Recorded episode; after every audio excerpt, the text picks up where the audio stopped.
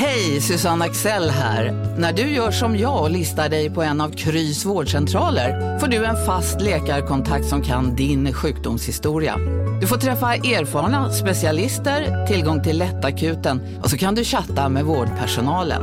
Så gör ditt viktigaste val idag, listar dig hos Kry.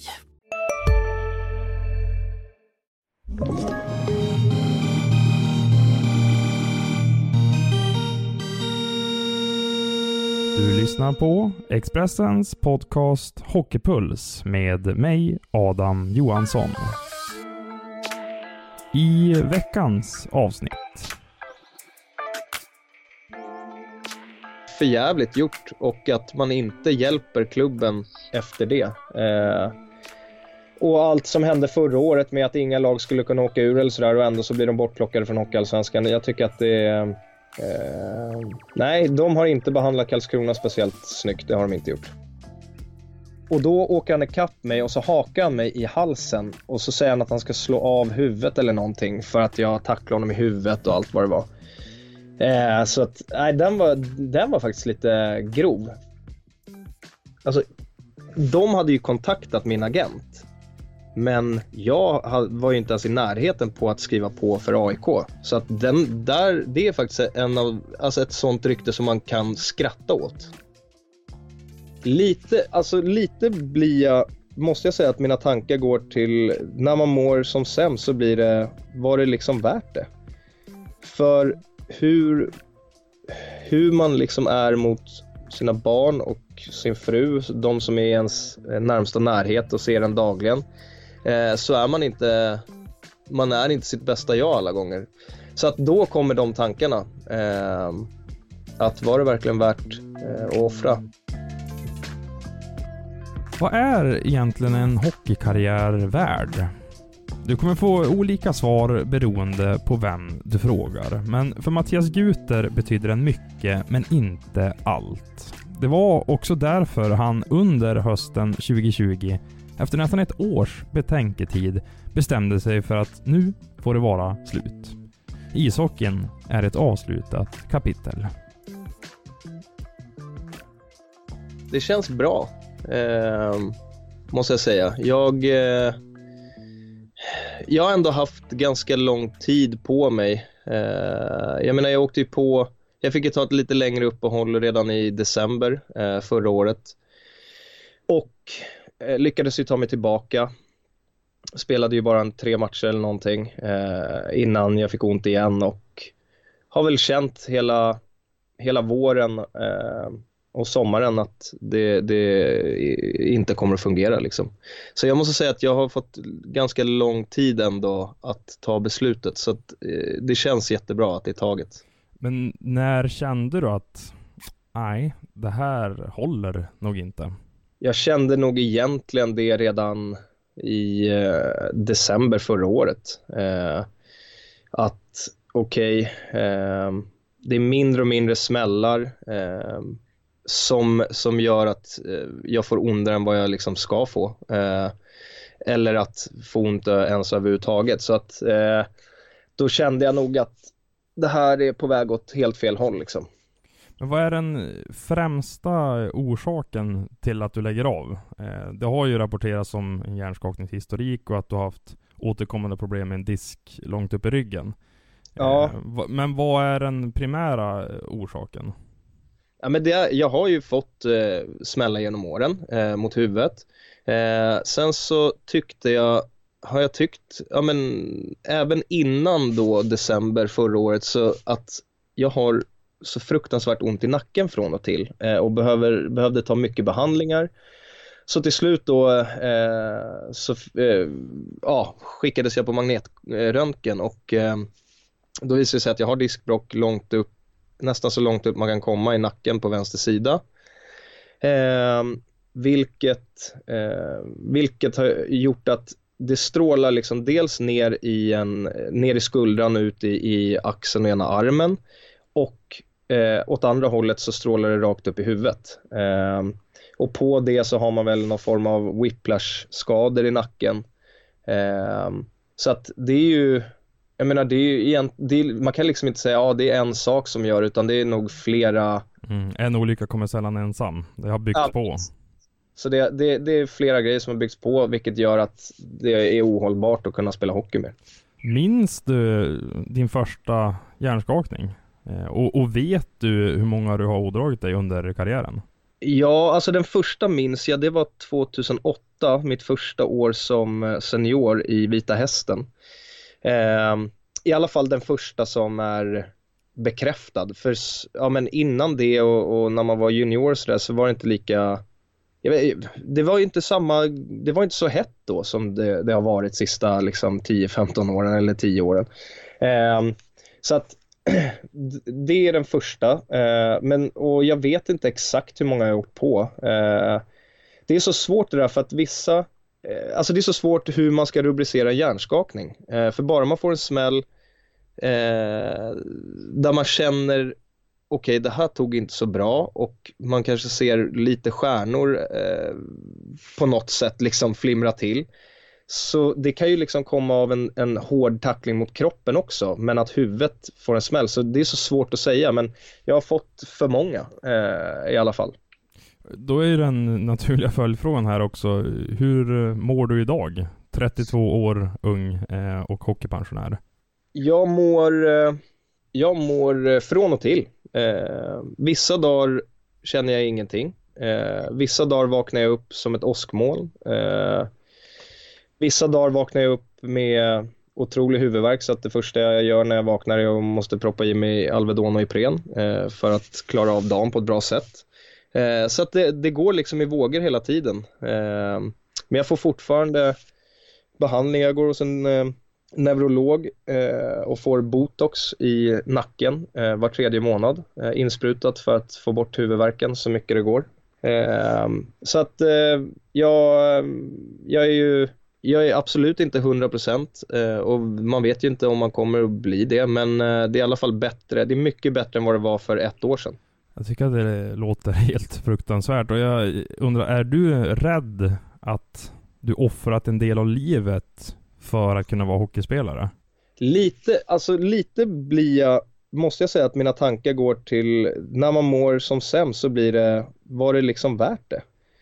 För hur, hur man liksom är mot sina barn och sin fru, de som är i ens eh, närmsta närhet och ser en dagligen, eh, så är man inte, man är inte sitt bästa jag alla gånger. Så att då kommer de tankarna. Ehm, att var det verkligen värt eh, att offra? Men när man sen eh, mår bra och man har sina, ja, men, sina bra dagar som blir fler och fler så ja, men då tänker man ju bara tillbaka på glädje liksom. Men eh, när Mattias Guter är ett åskmoln, som du beskrev det, hur är Mattias Guter då? Eh, jag är eh, nog ganska liksom aggressiv i, i sättet jag pratar och ja, men blir liksom kort och, och snäser. Och det händer liksom då och då att jag får säga ja, men att nej, nu får jag gå upp i, i sovrummet och, och lägga mig i liksom 20 minuter och eh, få bort huvudvärken eller sådär. Ehm, så att det är framförallt det. Man, man, man har liksom inget tålamod och ingen, ingen bra stressnivå. Och det påverkar hela familjen kan jag tänka mig, alltså din fru Anna och dina barn. Ja, men det gör det. Eh, och det som är tur är ju att eh, ja, men Anna har varit med hela resan liksom. Eh, så att hon, hon förstår ändå på ett bra sätt och eh, märker ju, hon, hon kan ju till och med fråga mig, eh, ja men säg att jag kommer ner en morgon och så, eh, så säger jag bara någonting kort och då säger hon, eh, har du ont i huvudet? Hon känner dig så bra. Ja, och jag kan inte ens, då ställer jag mig och tänker efter och så, ja men det har jag nog. Mm. Jag har inte ens märkt det eh, för att det, det har skett så mycket senaste åren. Liksom. Men du, det spekulerades ju väldigt länge att din hockeykarriär skulle vara över. Eh, nu sitter du här i, i podden och säger att du hade tankarna redan i december förra året och började inse att ja, nu, nu är det nog snart slut. Eh, men under den här tiden så, eh, till Hockey News så sa ju Djurgårdens tränare Robert Olsson i, i somras att Guter försöker komma tillbaka till nummer ett, livet. Man måste börja där, sen får man ta det därifrån. Eh, han måste få ordning på sitt huvud så att säga. Va, va, vad menade Robban egentligen? nej, men det var väl egentligen eh, det som jag förklarar nu att eh, jag menar innan man ens kan eh, eh, ha en normal vardag där, där man ja, men, vaknar upp utan huvudvärk eh, ett längre tag så kan jag inte ens tänka tanken på att försöka träna för att ta mig tillbaka till ishockeyn. Eh, och även om mina tankar hade kommit att okej, okay, det kommer nog inte att funka så, så blir det kroppen eller liksom hjärnan fungerar ju att, ja men säg att jag mår bra i en vecka, ja men då blir jag så här, ja men vänta, jag kan ju nog spela hockey igen. Mm. Och så Eh, vill man liksom inte släppa taget riktigt. Eh, så det handlar nog eh, mest om det att jag skulle få en normal vardag, få bort huvudvärken under ja, men, månader liksom i rad utan att känna så här det här funkar inte utan ja, men få tillbaka ja, men egentligen ett normalt tillstånd och därefter känna så här okej okay, Ska jag satsa på att spela vidare eller ska jag tacka för mig? Kan du känna en sorg över att du inte fick lägga av på dina egna premisser? Att det var något annat som satte stopp? Ja, men lite kan jag tänka så. Eh, att det är trist att inte få välja. Eh, samtidigt så är jag glad att jag ändå fick spela tills jag var ja, men 32 år. För jag menar, det händer ju det händer ju så många spelare nu, eller ja, att man måste lägga av i, i alldeles för tidig ålder. Och jag fick ändå hålla på så pass länge och jag fick uppleva så pass mycket. Så att på ett sätt så är jag lite bitter över det, på ett annat så är jag tacksam över att jag fick spela så länge. Du, det rasar ju en tacklingsdebatt kring huvudsmällar och, och hjärnskakningar just nu. Det blossar ju upp lite titt som tätt i svensk ishockey och det har ju varit en frapperande utveckling också senaste åren här. Eh, och det har ju aktualiserats nu med Emil Larssons tackling på Oskarsund nu den gångna helgen. Eh, mm. Du som har haft den här problematiken, hur följer du diskussionerna och eh, var står du någonstans? Jag måste säga att jag följer, jag följer den väl, eh, jag följer den eh, inte till punkt och pricka. Jag läser inte allt, jag tittar inte på allt. Eh, men jag måste väl säga att Alltså jag blir irriterad när man ser tacklingar där man inte visar respekt. Eh, och det handlar ju om egentligen åt båda håll, all, både den som tar tackling och den som delar ut. Eh, men om man som spelare ser att den andra spelaren inte har överhuvudtaget sett dig, varför ska du gå in med kraft då? Du kan bara markera, det, det räcker liksom. Eh, ta bara bort honom ifrån spel liksom. Eh, så att jag, jag menar jag är för de, jag menar man älskade ju att titta på Niklas Kronvall när han smäller på rakt framifrån och eh, den typen av tacklingar. Men när det kommer tacklingar som tredje man eller blindside eller tackling där jag som ska dela ut, när jag då ser att okej okay, den här spelaren har verkligen inte en aning om att jag kommer, ja men försök sätta in en annan typ av tackling då. Du behöver ju bara ta bort honom från du ska ju bara hindra honom från att kunna göra det han vill göra. Mm, det går att undvika med den kraften som ofta delas ut. Och här tänker jag också att eh, diskussioner och debatten har ju hamnat lite att eh, just nu så är det väldigt mycket fokus på att men den som tar emot tacklingen har också ett ansvar.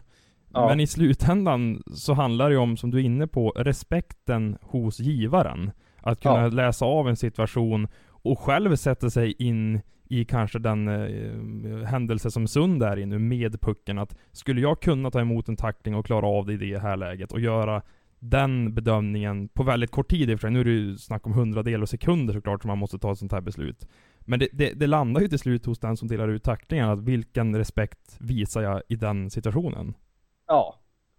Ja men så är det ju och jag menar, tittar man på den, alltså den senaste nu, så där till exempel är det ju faktiskt inte fråga om några få hundradelar eh, som ja, men Emil i det här fallet då eh, delar ut, utan han ser ju hela situationen. Så att det, men annars, det är klart att det sker o, o, liksom, olyckliga situationer där det, där, det, där det handlar om hundradelar och man inte hinner kanske eh, ja, men ändra riktning eller sådär. Men sen det jag menar med det här att, eh, att den som ska ta emot tacklingen har ett ansvar, det är ju att ja, men om jag kommer och jag har en, en, spelare i ryggen och jag ska göra en frånvändning och han läser av mig eh, och, och, tacklar mig precis i vändningen, ja men då får man faktiskt skylla sig lite själv för då, är det, då har ju faktiskt den motståndaren läst situationen bättre. Men just när det handlar om de här blindside och, och tacklingarna som du kan undvika, du kan plocka bort spelaren på ett annat sätt, ja men gör det.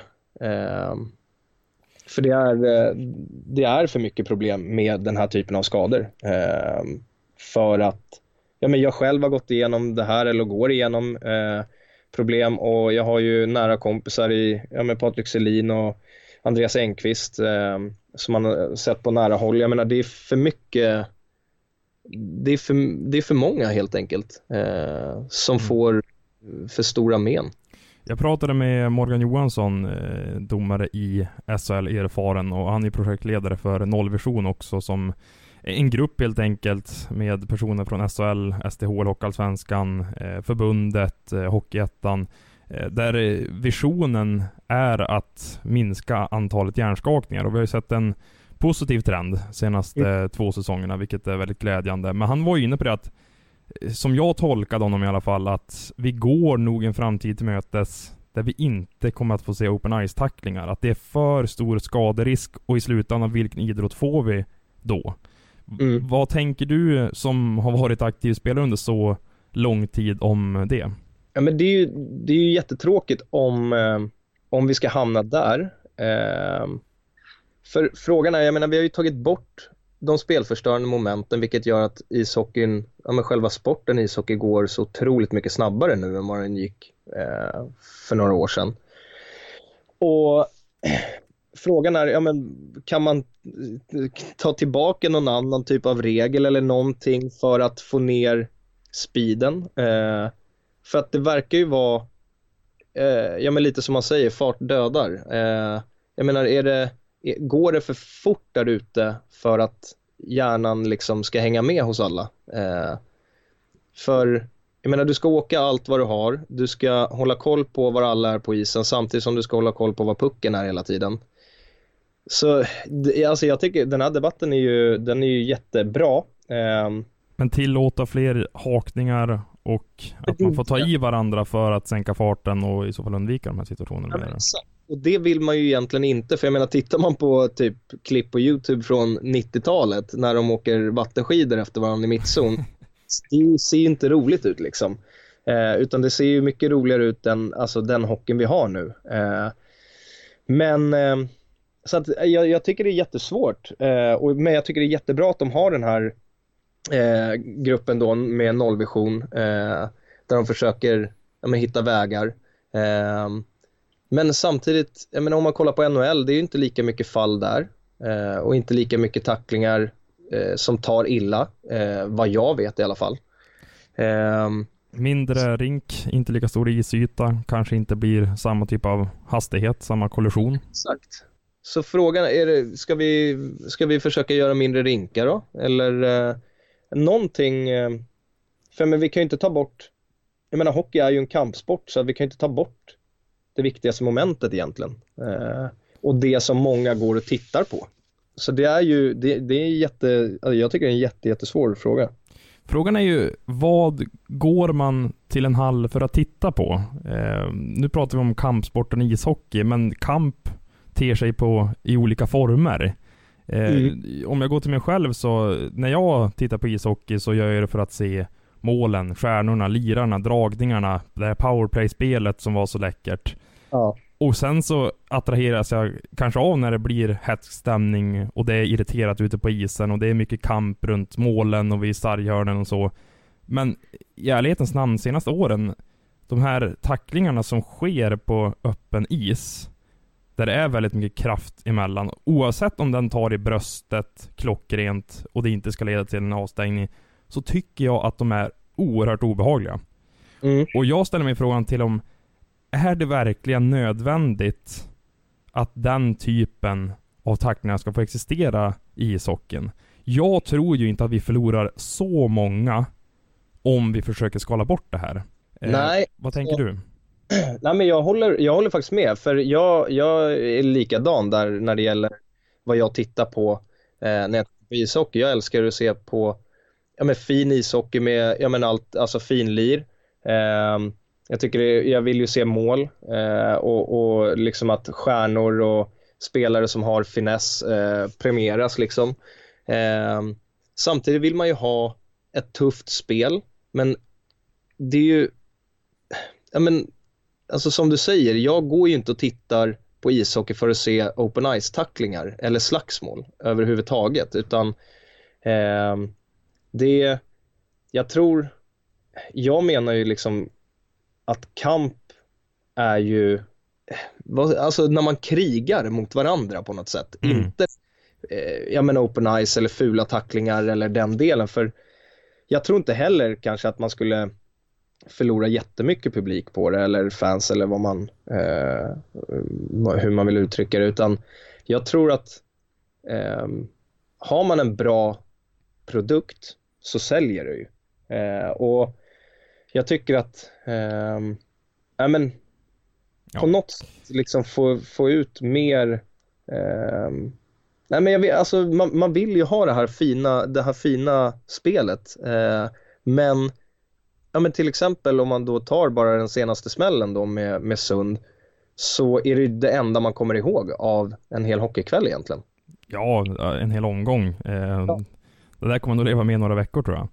Ja. Eh, sen ska man också säga i det här att när många kritiserar ishockeyn för att bli allt mer känslofattig, det, det, kan jag absolut hålla med om. Jag tycker inte att det finns samma typer av profiler som tidigare år och där finns det många att peka finger på och säga att det, det kan vara medias fel, det kan vara klubbarnas fel, det kan vara förbundets fel. Eh, men i, i slutändan så ser vi de senaste åren att, ja nu är det en coronasäsong, det är inte publik på matcherna, men det har varit en positiv trend med att det kommer allt fler åskådare till hockeyhallarna. Det gick mm. ner några säsonger där i, i mitten av 10-talet, men på slutet har det gått åt rätt håll. Dessutom så är SHL eh, den mest attraktiva rättigheten att köpa. Mm. Eh, och det betalades ut ett miljardbelopp här från Simor för att säkra rättigheterna till 2030. Vilket innebär att det är väldigt många som är intresserade fortfarande än idag. För ibland så kan jag känna att det målas upp en sån svartvit bild. Att ja. ishockeyn, den är död. Eh, mm. det är ingen som är intresserad längre. Vi har gått för långt. Men det finns ju en enorm gråskala i det här. Ja, men jag tror att hockey berör så otroligt mycket. Eh, och om jag bara jämför till exempel sändningarna mellan eh, eh SHL och fotbollsallsvenskan så tycker jag att SHL ligger hästlängder före. Eh, och eh, liksom i proffsighet och allting. Och jag menar vi har ju en liga här i Sverige som är otroligt bra sedd i hela världen. Eh, så att jag tycker att eh, jag tycker att intresset bara, eller det känns som att intresset bara går upp. Sen så är det mycket svarta rubriker och det är väldigt mycket skriverier om debatten kring då huvudskador och, och hela den biten som tar ja, men ganska stor kaka i media liksom. Absolut. Och... Men med all rätt, måste jag ändå få säga, för att det är ett problem. Eh... Ja, och där är det viktigt att nyansera bilden också. Jag ser att det är väldigt många som söker en quick fix på det här. Men mm. just när ett problem uppstår så tar det ofta väldigt lång tid att komma till rätta med det. De åtgärder som sätts in nu, framförallt det med nollvisionsgruppen eh, sysslar med, det är att utbilda på låg nivå, i ung ålder, för att vi i framtiden ska få ishockeyspelare som kan ta emot tacklingar på ett bättre sätt, som visar mer respekt. Så att jag tror att det tyvärr kommer krävas ett väldigt stort tålamod hos hockeyfamiljen, om vi ska kalla den så, innan vi ser de verk den verkliga utvecklingen och de riktiga framstegen förhoppningsvis. Ja, men det tror jag också. Eh, för att, jag menar, ja, ska, vi, ska vi få bort eh, hjärnskakningar på en gång, ja men då får vi ju ta bort närkampsspelet helt och hållet. Precis. Jag menar, för annars så går det ju inte, det går ju inte som du säger, man kan ju inte säga så här, okej okay, boys, nu, nu tar vi bort hjärnskakningar här. Nej. Jaha, men hur gör vi det då? Hur, ska vi sluta då tacklas eller Eh, en, quick, att, en quick fix är ju att sätta in regler. Ja. Som, som löser problemet, men då kommer vi, som du var inne på tidigare, inte att ha kampsporten ishockey som den är. Nej. Så ska den få överleva så måste vi börja med utbildning på, alltså för ledare absolut, men även för spelare. Ja. Ja men och jag tycker, ja men till exempel som de håller på, eh, de håller på fram och tillbaka varje år med icing-regeln till exempel. Eh, med, ja, jag kommer inte ens ihåg vad den heter nu. Men där, där det liksom ska bli en kamp, en åkkamp mellan back och forward eh, och så är det en bedömningssituation för domare om det ska bli icing eller inte och så kommer eh, avblåsningen lite för sent ibland och jag menar sådana grejer är ju helt och hållet jättekorkat att ens, tycker jag, hålla på och eh, äventyra den typen. För där, jag var ju med, eh, jag tror det var uppe i Leksand, jag spelade med Karlskrona och Filip Kruseman åker på en eh, ordentlig hjärnskakning när de åker på en, eh, en sån där icing puck och han hinner precis först. Men Eh, och jag tror att de blåser av för icing precis, ja, men lite för sent så att han får ju, han har ju slappnat av så han får årets tackling liksom. Och, eh, så att det är mycket så här regler som du säger, quick fix som de försöker med men som går ibland åt andra hållet liksom.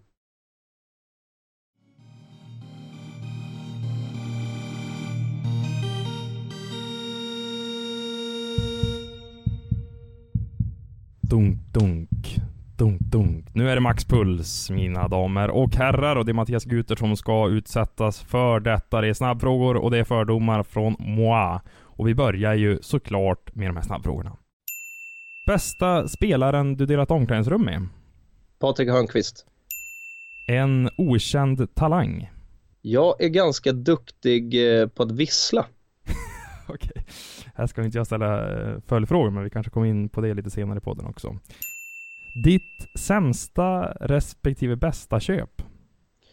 Sämsta köp var en, eh, en lägenhet inne i stan eh, och mitt bästa är nog mitt hus där jag bor nu. Och i stan så ska jag säga Stockholm va? Ja. Nu är de här fördomarna, är, är, du lite nervös eller ser du fram emot här vad jag har skissat fram om dig? Nej, alltså jag tror att det jag är nog rätt lugn. Ja, vad bra. Det ska du vara. Det är, det är inget farligt. Vad heter han, eh, han som kör, i Fördomspodden är det väl? Ja, exakt. Jag lyssnar på lite liksom någon gång sådär då och då. Eh, så det, jag tycker det är lite häftigt att lyssna på sånt där. Ja. Nu kör vi fördomarna här. Ditt täta och mustiga skägg har varit en självklarhet för dig ända sedan du fyllde 15 somrar. Eh, nästan. Eh, men jag fick, eh, jag fick skägg, eh, jag fick inte så fläckvis egentligen utan jag fick ganska rejält från början. Men då, eh, då var det ju hyfsat rätt ändå va? Ja. Men vad då när började skäggväxten ta fart? ja. Men jag skulle nog säga slutet, alltså ordentligt är alltså i slut, ja men alltså tvåan gymnasiet där, tror jag, trean. Men då var det ju inte speciellt många andra som hade så att jag körde den här lilla du vet eh, på hakan liksom. Nej. Ja, exakt. Alltså getskägget eller? Ja, fast kort alltså så att det var, man såg att jag hade men inte, jag lät ju inte växa så att det blev en sån här, du vet vaxade in den så att det blev så fint. Utan, eh, eh, för jag, jag, det var inte så många som sagt i eh, klassen som hade så jag tror att jag höll mig till att köra hakan. Okej, okay. men det är inte ett typ av skägg som du skulle testa idag? Nej, det skulle nog inte. Du skrev på för Timrå under det brinnande kvalspelet med Karlskrona 2018. Fel. Du skrev inte på under kvalspelet? Nej. Okej, okay. hur gick det till då? De hörde av sig eh, när jag var på semester efter det kvalet. Så vad kan det vara? Två veckor efter kanske? Okej. Okay. Eh, och skrev på när jag var i, nu ska jag säga, i Dubai. Just det. Och du skrev på tillsammans med Mårten Madsen som då hade varit kapten för det Karlskrona som åkte ur. Mm. Ehm, det är ju ändå rätt känsligt att göra den typen av övergång. Vad fick du för reaktioner? Eh, inga egentligen tror jag, alltså personligen. Eh, sen kan man ju bara tänka sig vad folk tycker och tänker men eh, Eh, jag, jag, vad jag minns nu så tror jag inte att det var någon som eh, hörde av sig personligen till mig. Du har i sann Lejonkungen-anda tagit efter Mufasa i ditt föräldraskap och varnat dina barn om en plats. Norrland. What about that shadowy place? That's beyond our borders. You must never go there, Simba. But I thought a king can do whatever he wants. Oh, there's more to being king than getting your way all the time. eh, ja, men Norrland är mysigt, men det är lite för mörkt för mig. Ja, sen är Norrland stort. Eh, det innehåller väldigt många landskap, men eh, ja.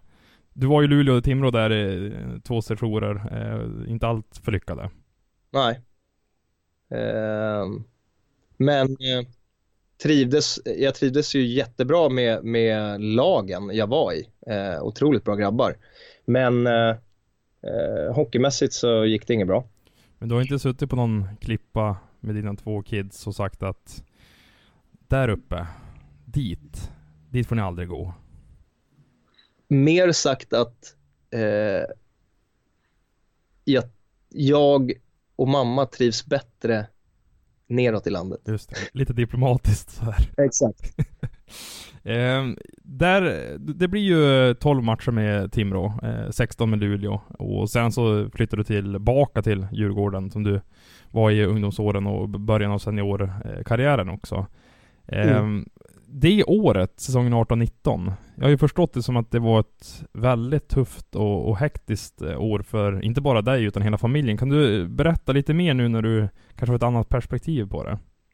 Ja, men i och med att vi hade varit ganska länge nere i Karlskrona och eh, ja, men avslutar ju på ett jättetråkigt sätt genom att klubben åker ur. Eh, och sen så blir det ju bara snabba puckar med vad, okay, var ska vi härnäst?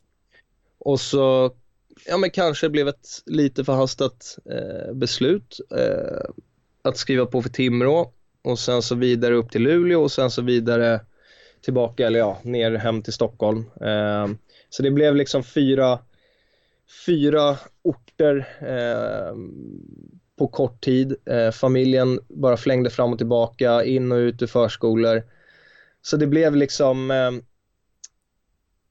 när man har familj så blir det ett helt annat sätt. Eh, tankarna går ju mer...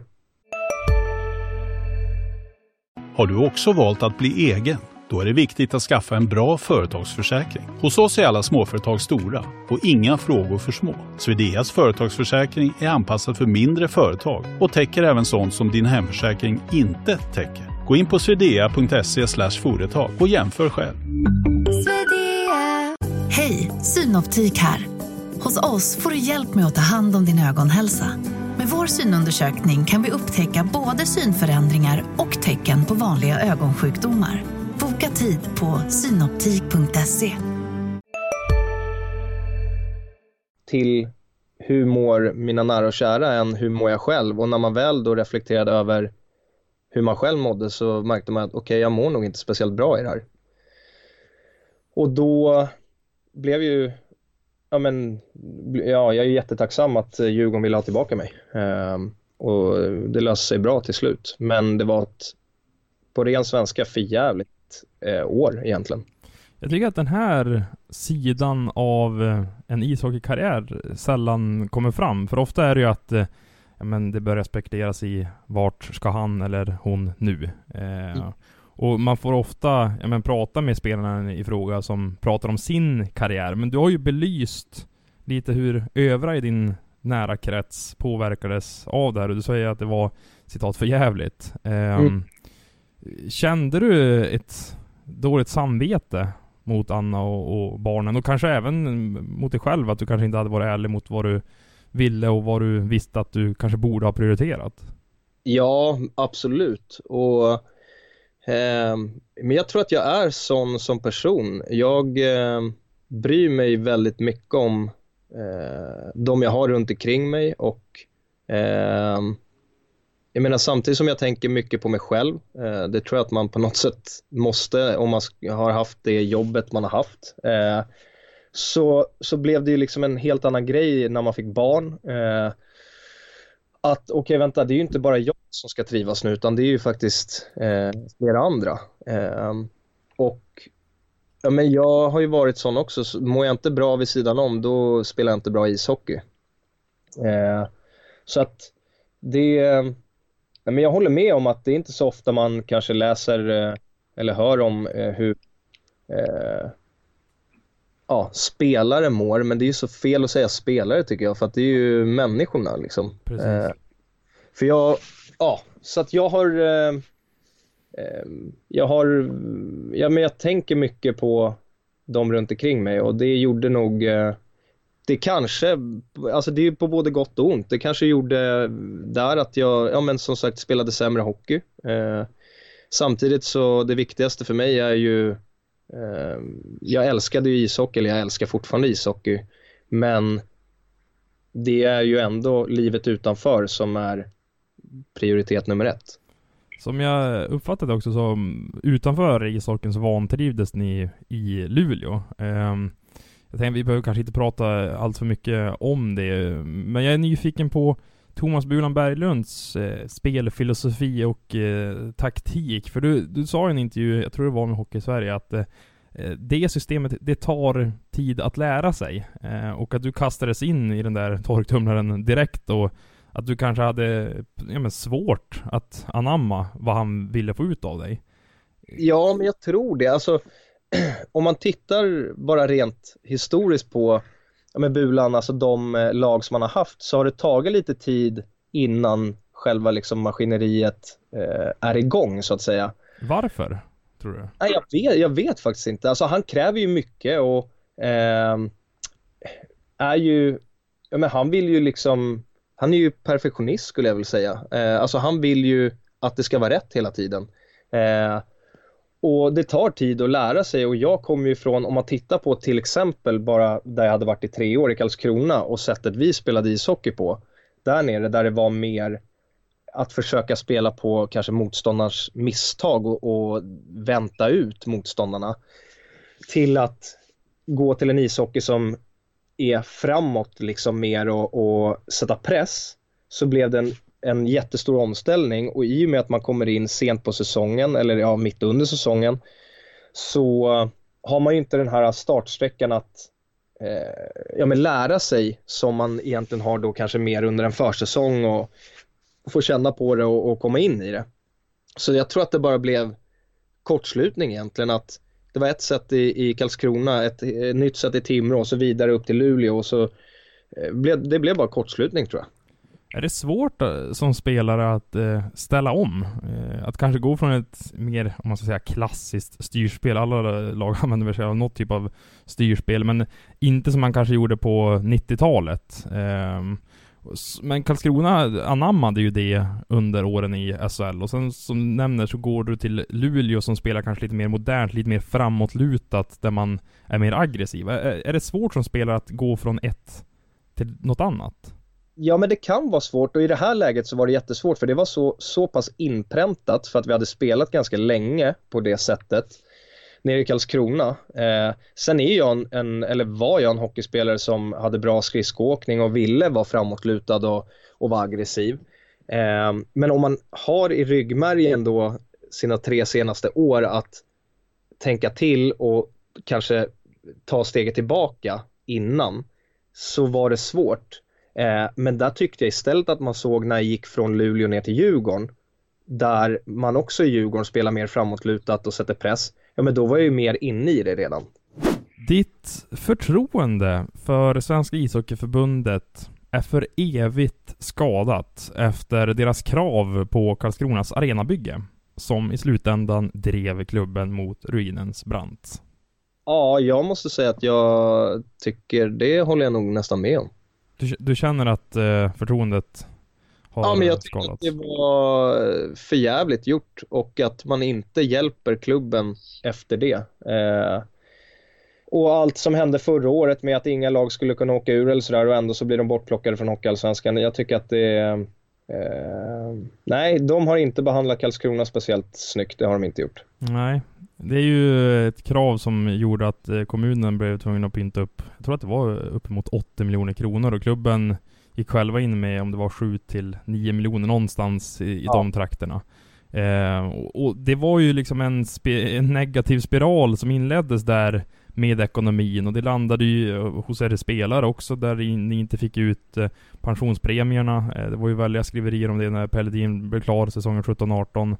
Mm. Ehm, och känslan var ju att det, det, hängde som, som en blöt filt över hela klubben det där. Ja, nej jag håller med. Uh, jag tycker det, det genomsyrade egentligen alla mina tre år där. Uh, och uh, jag menar bara för att man bygger en ny arena så gör ju inte det att publiken kommer. Ehm, utan vi hade, vi hade kunnat ha kvar samma arena men eh, att man hade fräschat till det. Man hade inte behövt bygga till 1500 platser mer. Eh, så att jag, jag, jag håller med. Jag tycker att det, det blev liksom, det var så otroligt mycket negativa skriverier kring Karlskrona i alla de där åren. Så det var, på det sättet var det jättetråkigt. Och sen är det ju nästan skandalöst att ett år senare när Mora kliver upp 2017 så får de dispens. Ja. Eh, inget ont mot Mora, alltså de var ju ett läge där de hade kanske kunnat gått samma öde till möte som Karlskrona nu gick. Mm. Eh, men de tryckte ju väldigt hårt på att eh, vi kommer inte kunna göra de här korrigeringarna för då, då riskerar vi att eh, faktiskt gå under. Ehm, Mm. Så, och, och det, du är inne på just den här sommaren 2020 när Karlskrona tvångsdegraderas till Hockeyettan. Eh, hade du sett, gärna sett att de har, förbundet, sett mellan fingrarna eh, och låtit dem vara kvar i Hockeyallsvenskan? Ja, men det tycker jag. Alltså, nu vet jag att de eh, samlade in mycket pengar eh, och jag vet ju inte allt. Jag läste ju inte allt så, men eh, jag vet ju att de samlade in det beloppet de behövde i alla fall och lite till. Det var det jag läste, men de verkade ju ha bestämt sig och det har ju varit som sagt, det har varit negativ inställning mot Karlskrona tycker jag. Generellt sedan de gick upp. Alltså från Hockey-Sverige? Eller Ja. vilka tänker du då?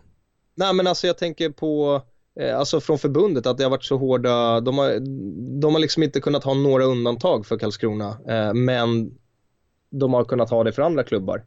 Så det kändes som att det var kul att säga att eh, ja, men den fula ankungen gick upp i, i SHL lite sådär, men eh, men sen när man väl var uppe i SHL så var det inte så roligt längre.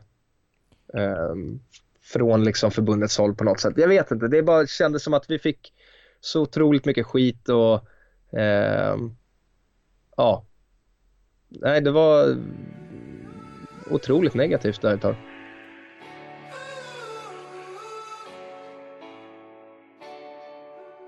Sådär ja, då är vi framme vid den tredje delen av Hockeypuls podcast. Det är den här klassiska faktarutan som nu Mattias Guter ska ta sig igenom. Ja, med hjälp av mig såklart eftersom att det är jag som sitter på faktarutan.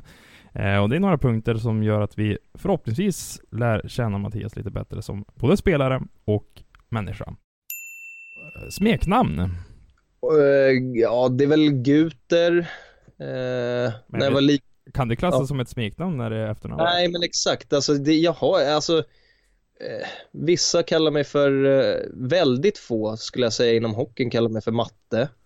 Eh, det är några. Eh, annars är det väl, eh, ja men Guttan är det några som har sagt eh, genom åren.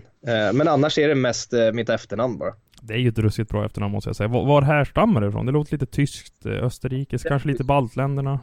Ja, tyskt från början. Ja, det är tyskt från början. Har du, du, du har släkt därifrån? Eh, hade, jag tror inte att det är någon kvar om jag ska vara eh, Jag tror att de alla har gått bort. Eh, eller eh, är uppe i Sverige. Ålder? 32. Fordon? Eh, två stycken Volkswagen-bilar. Tjänar mer än en riksdagsledamot? Och där är arvodet 65 000 per månad. Eh, inte längre. Nej. Vad gör du idag? Jag är eh, hockeypensionär. Nej, men just nu så praktiserar jag. Jag eh, studerar eh, på heltid och eh, jag är just nu ute på praktik. Och då studerar du till vad då? F- eh, företagssäljare, så business to business. Okej, och när eh, väntas du vara klar? Eh, slutet på maj. Just det, och det, det måste ju ha varit en väldigt eh, skön övergång att så fort du lägger av så börjar ett nytt kapitel. Jag kan tänka mig att det har mycket med att göra med att du hade en ganska lång transportsträcka fram till när du väl tog ditt beslut. Ja, men exakt så är det och eh, väldigt skönt att ha haft något att göra vid sidan om. Du, under eh, hockeykarriären då? Eh, vilket lag känner du som bäst i? Där jag spelade som bäst. Ja, jag tänker mer lönekuvertet. Vi kommer nog in på prestationen på isen också, men jag tänker utanför när, när kulorna ska in. Jaha, där jag tjänade mest. Mm. Jaha, ehm, det är nog Timrå och Luleå. Just det, alltså efter de här framgångsrika åren med Karlskrona. Mm. Eh, din eh, hockeybana tycker jag är rätt eh, intressant. Eh, för det tog ju ändå rätt lång tid innan du väl etablerade dig i högsta ligan. Jag tror var du 26-27 år gammal då? Tror du? Jag tror 26, något sånt. Ja. Hur präglade det dig att eh, vägen fram var väldigt snårig och lång? Ja, men jag tror att jag har hela tiden fått eh, kriga egentligen. Eh, jag, har, jag har varit ganska liten till växten. Så att eh, när jag var yngre eh, och kom upp i och blev junior så var det fortfarande egentligen gamla tidens eh, tankesätt hos tränare tror jag och klubbledning att eh, hockeyspelare ska vara stora och tunga. Eh, så att jag fick eh, kriga ganska mycket eh, för att ta mig fram tycker jag. Men eh, jag menar jag fick till exempel gå långa vägen eh, i Djurgården, alltså två år i J18 och två år i J20. Så att eh, den har nog eh, jag har fått, jag har liksom inte fått någonting gratis. Din eh, favoritplats? Eh, Stockholm tror jag. Då var du på toppen av din karriär. Ja men det måste ju vara, ja, Karlskrona-tiden kanske. Jag tänker ju framförallt på säsongen 15-16, eh, den första för Karlskrona i SHL. Och du pangar in 19 mål. Jag tror att du är fyra i skytteligan den säsongen. Ja, nej men jag tror att, ja men det måste jag ju ändå säga. Eh, även om jag tycker att jag spelat eh, bra hockey efter det så satte jag ju, ja men jag satte ju mina chanser på något sätt. Ja men vad var det som stämde egentligen? Eh, för, för du hade ju producerat de siffrorna i Hockeyallsvenskan men aldrig i SHL. Nej men exakt, jag tror att det var att jag eh, året innan där så hade det varit lite struligt eh, och inte, jag tycker inte att jag fick den chansen som jag förtjänade riktigt eh, när jag var i Djurgården. Så jag eh, ja, men valde ju att sticka till Leksand och sen så när jag kom till Karlskrona så fick jag ju Pelle Hånberg som, eh, som såg mig både som människa och eh, spelare på ett bra sätt. Eh, så att jag kände liksom 100% förtroende från, från tränaren, vilket gjorde att jag kände mig väldigt trygg. Eh, och därav presterade jag bra.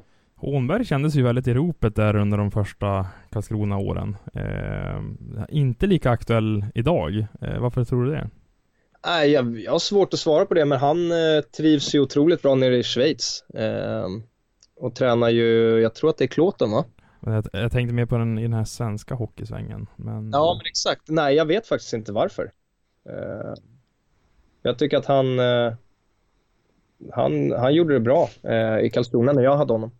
Men eh, efter Karlskrona-tiden, som du nämner som den bästa i, din, i ditt hockeyliv, så du säger att Timrå kontaktade dig under semestern, men under den där vevan så var det ju rätt mycket rykten kring dig. Och jag vet att, jag tror att det var om det var Sportbladet som skrev att ja, du skulle vara på ingång till AIK tillsammans med Dick Axelsson. Mm. Eh, hur påverkar de där skriverierna dig? Ingenting egentligen för att eh, eh, det är ganska kul att du nämner det där med AIK för det fanns inget, alltså de hade ju kontaktat min agent men jag var ju inte ens i närheten på att skriva på för AIK. Så att den där, det är faktiskt en av, alltså ett sånt rykte som man kan skratta åt eh, och tycka att ja men kolla det är ju rätt kul, nu är det, nu är det en stor artikel om mig men den som sanning i den. Det jobbiga är, är sanna rykten som man måste gå ut och dementera hela tiden. Mm. Va, som vad då? Ja, men att det kommer ut till exempel att en klubb eh, är ute efter en och så ska man stå och ljuga. Eh, men AIK var ju verkligen så här, det här stämmer inte. Har du något exempel när du har ljugit för eh, någon i media som ringt? Nej, jo men det har jag säkert. Jag vet att jag såg något, jag kommer inte ihåg. Jo, jag har ett jätte, jättegammalt sms från, jag tror att det var Thomas Ros. Eh, när jag gick från Djurgården till Leksand och jag tror första kontakten var tagen från Leksand till mig eller någonting och då får jag ett sms av Thomas Ros. Ska du till Leksand? Frågetecken. Jag bara what? Så att, eh, men då svarade jag aldrig på det så att jag inte behövt eh, eh, jag behövde liksom varken eh, kommentera, dementera det eller så. Eh, men eh, eh, annars, alltså jag kommer inte på så på rak arm. Eh, Men det fanns ju lite substans i det där AIK-ryktet ändå, att de hade tagit en initierande dialog med din agent. ja, ja, så var det ju. Eh, och, men Var du sugen? men någonstans var jag ändå sugen att så här, tänk vilken häftig resa att få, alltså vara med och ta upp ett lag. Eh, men, eh, men det var ju liksom inte mer än så, för jag kände så här, jag är inte klar på, på den här nivån. Eh, och det var ju SHL då. Eh, så att eh, sugen på ett sätt att få vara med på en sån resa, men eh, jag kände att jag vill inte ge upp liksom min SHL-dröm eh, och att kanske i framtiden eller liksom få vara med och, och vinna SM-guld.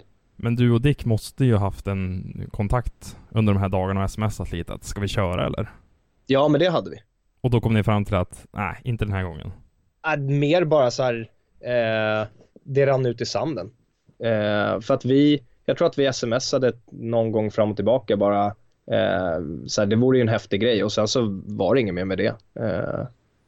Och så tog det slut där liksom. Ja, AIK gör ju storsatsningar. Ja, det känns som att det är typ var tredje år de har den här SHL-satsningen när det är några miljonärer som går in och pungar in pengar och sen ska de upp eh, i seriesystemet. Och den säsongen var ju väldigt framgångsrik, eh, 18-19 med Thomas Mittell på tränarbänken. Nu tog det slut mot Oskarshamn, eh, som sen tog, tog sig upp till SHL. Men eh, när vi pratade om känsliga flyttar tidigare, att gå från en klubb som åker ur till ett lag som tog den platsen. Mm. Just Djurgården AIK, det är ju också infekterat. Ja, Eh, men om, om du skulle ha tagit på dig AIK-tröjan. Ja men och exakt och det, var, ju- det fanns ju liksom, sånt är ju alltid med i tankarna. Eh, för jag känner mig som en Djurgårdsspelare så att eh, jag, eh, det, i och med att det aldrig har skett så är det ju svårt att liksom helt sätta sig in i, i situationen men jag, det, det är klart att det är svårt det där. Eh, det är väldigt svårt. Din största motgång? Ja, men det måste väl vara ja, men att tvingas lägga av eh, utan att få bestämma själv. Mm. Som vi har berört i avsnittet redan. Eh, tog du hjälp av någon under den här perioden? Ja, jag gick till psykolog eh, ganska länge eh, från ja, men eh, alltså någon gång i december förra året och ja, men ett halvår framåt. Eh, och eh, tyckte att det, ja, men det funkade jättebra för stunden. Vad eh, var det specifikt du fick hjälp med? Nej, men mer bara samla mina tankar. Eh, för att de började ju skena på att hockeyn var på väg att ta slut och vem är jag, vad ska jag göra, eh, vad händer nu? Eh, så att eh, det, ja men lite, det kändes som att det snurrade lite för mycket upp i skallen för att jag skulle kunna vara tillfreds med mig själv. Eh, upplevde du en identitetskris? Ja, absolut. Det tror jag nog. Eh, och har gjort det alltså hela våren och sommaren. Eh, för att även om man känner så här, ah, men jag, är, jag är nog redo liksom att ta steget och, och avsluta karriären så är det ju någonting man har sysslat med så länge man kan minnas och eh, man har, eller jag eh, har ju varit ishockeyspelare Mattias eh, och den tar ju slut nu liksom. Eh, och då blir man så här, "Jaha, vad, vem är jag då då? Så att eh, det har, det har absolut varit, eh, det har ju varit jättetungt hela våren och sommaren. Eh, och mycket inre stress och hela den biten. Men jag tycker att med hjälp av studierna nu och eh, få vara ute på praktik och eh, så tycker jag att det går eh, åt rätt håll. Du börjar hitta ditt fotfäste i den riktiga världen, om man säger så. Ja, men lite så. En eh, person i hockeyvärlden du inspireras av? Eh, som jag inspirerar, ja jo, ja, men jag måste säga Dick Axelsson. Okej, varför det? Ja, men jag tycker att han, eh, han är så otroligt egen eh, och är ja, men, eh, fantastiskt duktig ishockeyspelare och en härlig människa och han, eh, ja, men det är en, en eh, det är en väldigt härlig människa att vara eh, runt omkring eh, och ha att göra med. Visst eh, behövs han i Hockey-Sverige? Ja, till 100 procent. Du som känner honom så väl, eh, vad tycker du utmärker honom? Ja, men dels är han ju, det är, den, det är nog den största talang jag har eh, spelat med. Han, eh, det känns eh, som att han spelar ishockey på känsla. Eh, och eh, han går, han går ju emot det alla andra gör egentligen. Eh, I form av eh, vare sig det är träning eller det är match eller hur man förbereder sig. Så eh, han är tvärt emot alla andra. vad, innebär det egentligen? Alltså när andra tränar så tränar inte han, eller vad? Det var lite så jag tolkade det där. Ja men exakt, lite så. Nej men han, det är mer att han, eh, han, han kan, ja men egentligen, han kan sitta och göra vad som helst innan en match och sen så när han väl liksom får på sig utrustningen, ja men då är han 100% fokuserad på exakt vad det som ska göras ute på isen. Medan eh, de flesta behöver ju flera timmar på sig att förbereda sig och värma upp på ett visst sätt och ha sina rutiner och han, eh, han är liksom, han går åt andra hållet när det gäller allt sånt där och det, det, det är otroligt skönt att vara nära en sån människa när man, om man själv då är lite liksom spänd inför match eller sådär och han sitter och är totalt avslappnad så att eh, nej, han är, han är otroligt härlig att vara runt omkring eh, ja men hockeyn liksom. En klubb du inte gillar? Jag har typ ingen. Inte AIK då? Nu när du inte representerar dem, då kanske det är okej okay att säga.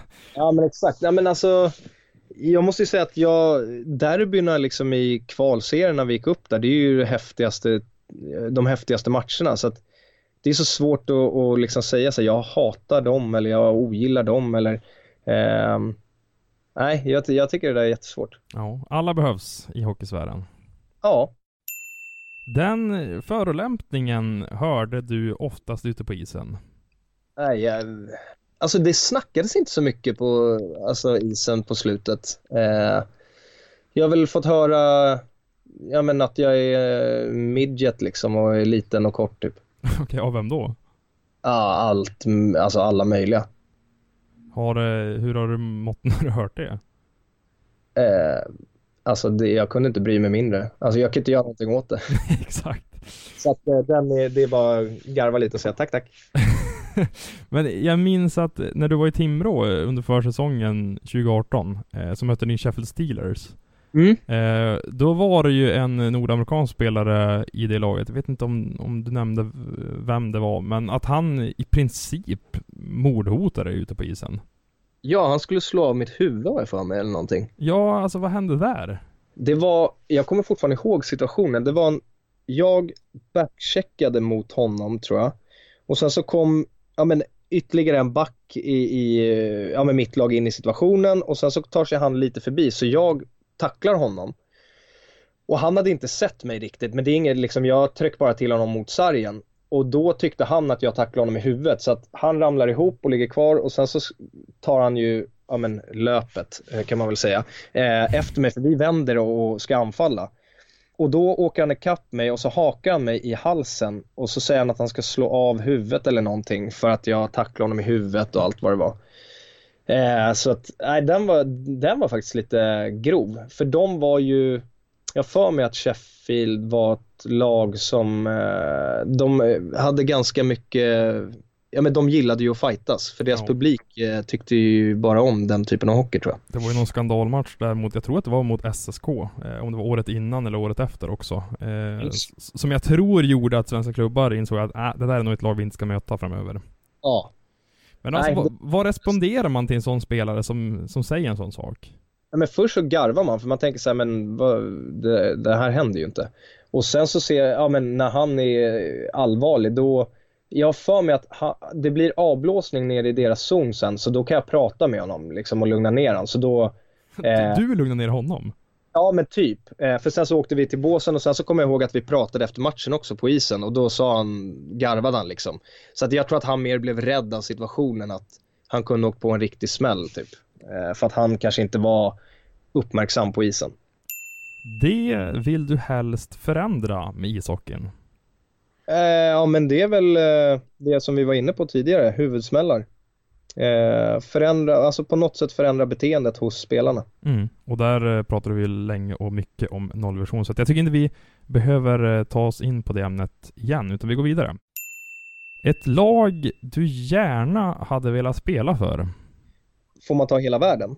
ja, absolut. Här får du Ja. drömma. Eh, nej men jag hade ju jättegärna spelat för eh, ja, men Rangers eh, på ena sidan av USA eller eh, ja, men bort vid Los Angeles, eh, Kalifornien där. Tror du att, eh, om du hade kommit fram till idag, eh, just när vi ser allt, eh, du nämnde midget tidigare, det var inte det jag tänkte säga, men kortväxta spelare eh, med tekniska färdigheter och och målskyttar som du var. Om du hade kommit fram idag, tror du att du hade haft större chans att draftas? För nu, nu fick du aldrig vara med om det. Eh, ja, det tror jag på något sätt. Eh, för att, nej, men jag, jag, jo, jag, jag tror faktiskt att jag hade haft eh, större chanser. Oj, när jag tänker så här på klubbar du hade kunnat spela för så, så har jag något minne i bakhuvudet att just efter den där succésäsongen som vi pratade om tidigare när du låg högt upp i skytteligan Mm. så, så var det KHL-spekulationer. Ehm, var, Ja. du, var du på väg till öst? Blev du kontaktad av någon klubb där borta?